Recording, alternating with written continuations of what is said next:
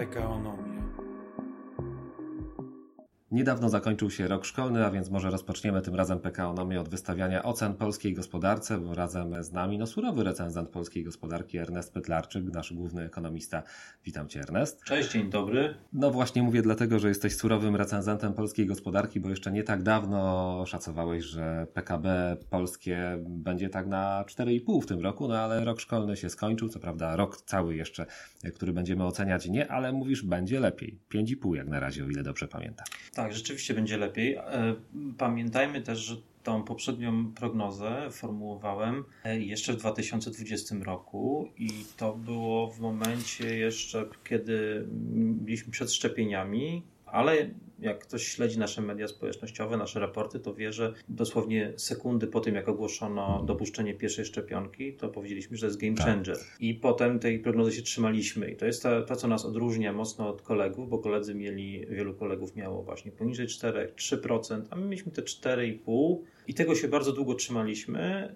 Później była fala oczywiście podwyżek tych prognoz. My nie musieliśmy, no bo mieliśmy tam prognozę taką optymistyczną, właśnie ze względu na, na postęp programu szczepień, który jest jest no, nawet jeszcze lepszy niż prognozowaliśmy w skali globalnej. A potem się pojawiła informacja o strukturze PKB w pierwszym kwartale i o tym, że w odróżnieniu od innych takich epizodów recesyjnych, recesyjnych albo epizodów spowolnieniowych, my mamy bardzo szybkie odbicie inwestycji. No jak inwestycje rosną, to jest taki bardzo silny sygnał pozytywny w gospodarce. No i one przeważnie nie rosną tak, że kwartał i później jest koniec, to jest początek całej takiej tendencji. A więc no, to spowodowało, że praktycznie przesunęliśmy tą ścieżkę całą PKB równolegle na ten rok, właśnie do 5,5%.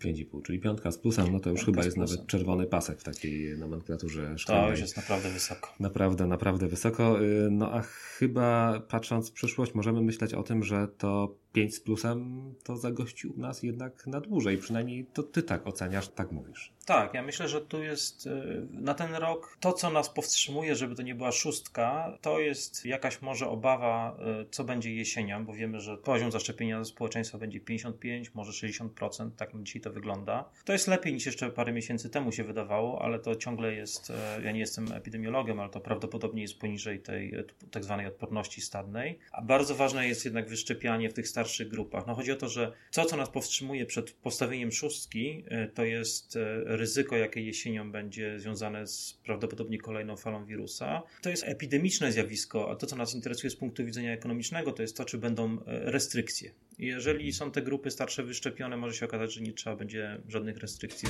wprowadzać i wtedy ten wpływ ekonomiczny będzie mały, może pomijalny. My zresztą bardzo mocno postawiliśmy na taki scenariusz e, przez te kolejne lockdowny. Uważaliśmy, że one są dobrze, powiedzmy, wycelowane, coraz mniej szkodliwe dla aktywności gospodarczej. No i tak to wygląda. No, ten ostatni lockdown praktycznie był ledwo odczuwalny na poziomie takim ekonomicznym dla szerokiej gospodarki. Chyba to jest tak, że coraz częściej e, myślimy pozytywnie o tym, co się wydarzy, między innymi też dzięki prognozom, o których ty mówisz, ale chyba też poczuliśmy, że COVID trochę jednak z nami przegrywa, całe szczęście. Czy takim też aspektem, o którym moglibyśmy powiedzieć, że Polacy już COVID-u się nie boją, jest na przykład obserwowany w ostatnich miesiącach boom mieszkaniowy, zwiększona liczba udzielanych kredytów hipotecznych. Czy to tak można określić? Zdecydowanie, dlatego że popyt na kredyt hipoteczny jest oczywiście funkcją wielu czynników, ale jednym z głównych głównych czynników jest taka stabilność otoczenia makroekonomicznego, y, stabilność, jeżeli chodzi o ocenę swojej sytuacji na rynku pracy.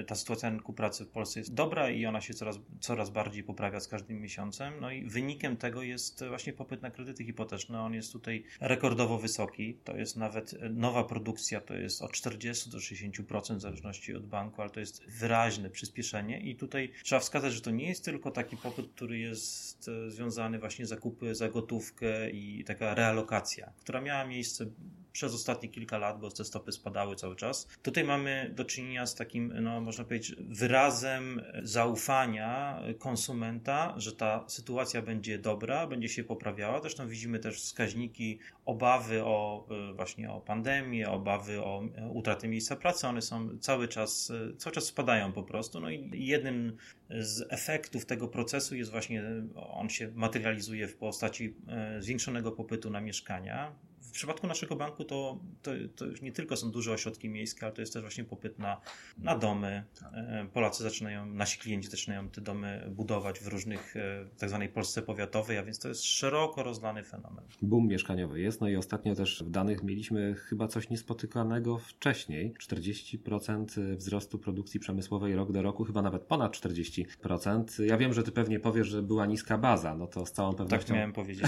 tak miałeś powiedzieć, ale generalnie tak czy robi to e, wrażenie, no i chyba te poziomy sprzed pandemii już przekroczone. O, już dawno. Tak. Jeżeli chodzi o produkcję przemysłową, no to my jesteśmy wyraźnie powyżej trendu. To jakby taka nowa jakość, bo najpierw była ta nisza, czyli produkcja dóbr trwałych, ale konsumpcyjnych, a ostatnie dane sugerują, że teraz tą palmę pierwszeństwa zdobywa produkcja dóbr inwestycyjnych, a więc wpisujemy się w takie globalne odbicie inwestycyjne. Zresztą w Polsce ono jest bardzo silne i tak jak mówiłem, już w pierwszym kwartale inwestycje były na plusie. Cały rok prawdopodobnie to będzie 6-7% na plusie. W przyszłym roku jeszcze więcej, dlatego że mamy tutaj krajowy plan odbudowy, fundusz odbudowy, te inwestycje samorządowe, inwestycje e, publiczne będą, bo na razie to mamy przede wszystkim firmy, maszyny, urządzenia. Jest takie zjawisko, które obstawialiśmy już e, w tamtym roku, kiedy właściwie totalna mgła i wiele niepewności, że te firmy, które mają spółki Skarbu Państwa, że one będą tutaj odgrywały dużą rolę, jeżeli chodzi o stabilizację tych wahań koniunktury i rzeczywiście w 2020 roku te notowane na giełdzie miały prawie 20% wzrost inwestycji,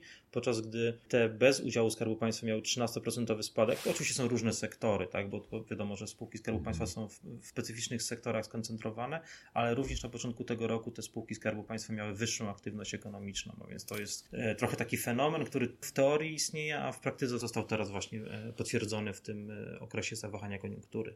No to tutaj taka autopromocja, ceny naszych akcji na giełdzie przekroczyły 100 zł, to tylko tak dodamy.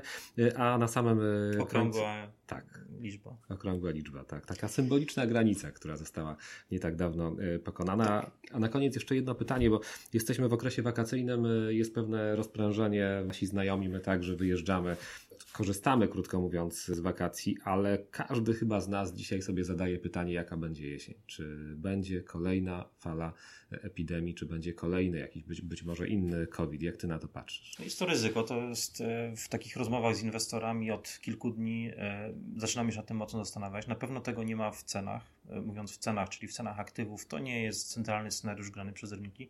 Trzeba brać to pod uwagę i teraz trzymając się takiej terminologii powiedzmy bardziej drogowej, to, to może nie będzie tak, że to jest takie wykolejenie cyklu, ale jakaś tam hopka tak zwana może, może być.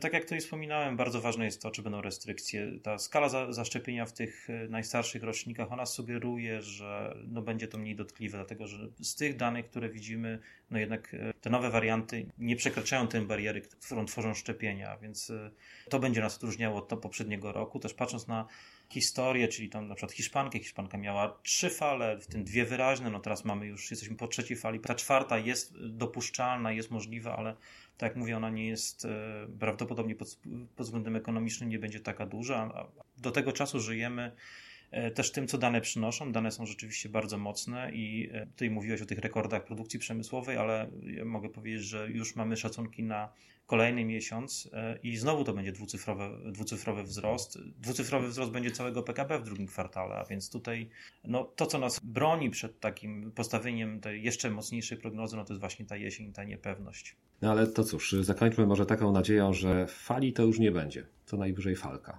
taka mała. W takiej kategorii nadziei, tak. Tego się trzymamy. Bardzo dziękuję. Ernest Pytlarczyk, Paweł Jurek. Do usłyszenia. Dziękujemy.